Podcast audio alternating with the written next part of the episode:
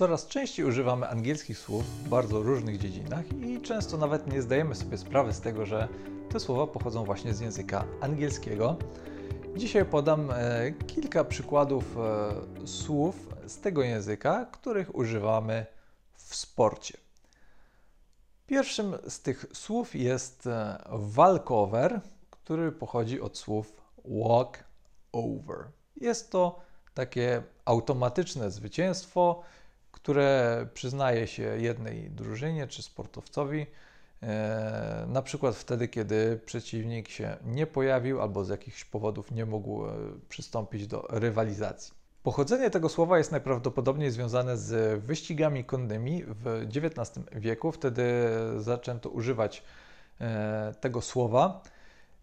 Chodziło po prostu o to, że jeżeli nie ma e, żadnej konkurencji i jest tylko jeden e, uczestnik, to ten uczestnik nie musi się z nikim ścigać i może sobie spokojnie przejść nad linią mety, czyli walk over the finish line.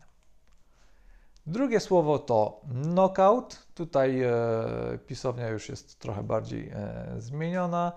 Oryginalna angielska pisownia to knockout z niemym K na początku, którego oczywiście nie wymawiamy. W spolszczonej wersji tego K oczywiście nie ma.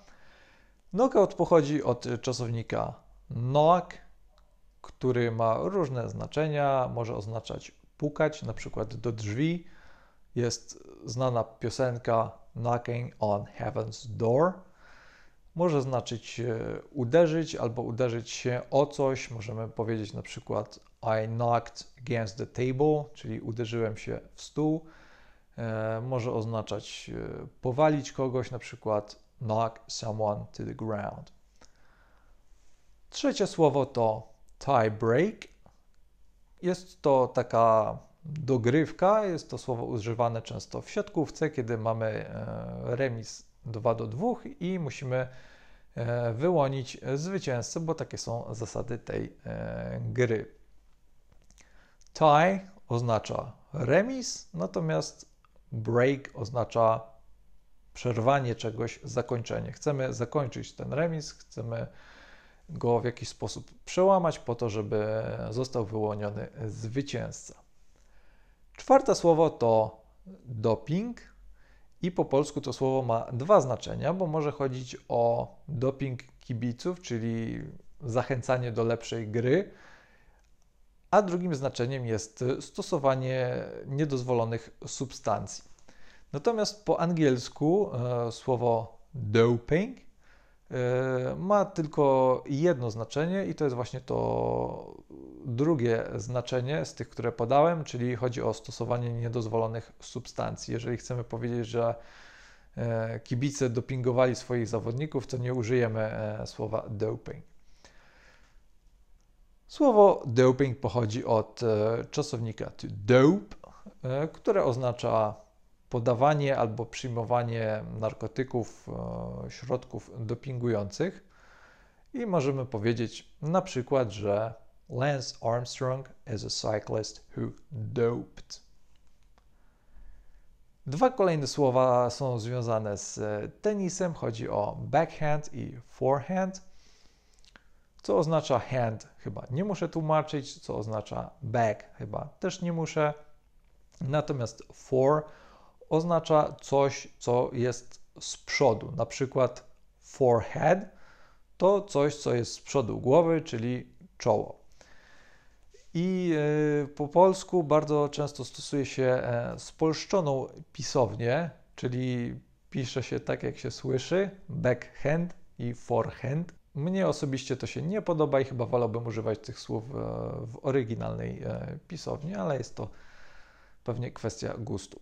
Kolejny przykład to derby. Derby to mecz, w którym rywalizują dwie drużyny z tego samego miasta. W brytyjskim angielskim powiemy Derby, a w amerykańskim Derby. Y, to słowo ma też inne znaczenie, które wiąże się z wyścigami konnymi, ale o tym e, nie będę mówić. Skupimy się na tym e, pierwszym znaczeniu i przypuszcza się, że e, pochodzenie tego słowa jest związane z miastem w Wielkiej Brytanii, czyli Derby, w którym kiedyś istniały e, dwie drużyny, które ze sobą rywalizowały, natomiast później e, zaczęto tego słowa używać szerzej w kontekście rywalizacji dwóch drużyn z innych miast. Mamy derby Manchesteru, derby Londynu, derby Warszawy i tak. I po polsku słowo derby występuje zawsze w liczbie mnogiej, więc mówimy te derby, a nie to derby. Słowo numer 8 to out. Tutaj e, pochodzenie tego słowa jest e, pewnie dość oczywiste. Out to wyjście piłki poza wyznaczone pole gry. Jest to zmieniona pisownia słowa out, które oznacza poza, na zewnątrz czegoś. Można powiedzieć to go out, czyli wyjść. Można be out of office, czyli być poza biurem, być na urlopie można sing out of tune, czyli fałszować. I ostatnie słowo to ring, ring bokserski.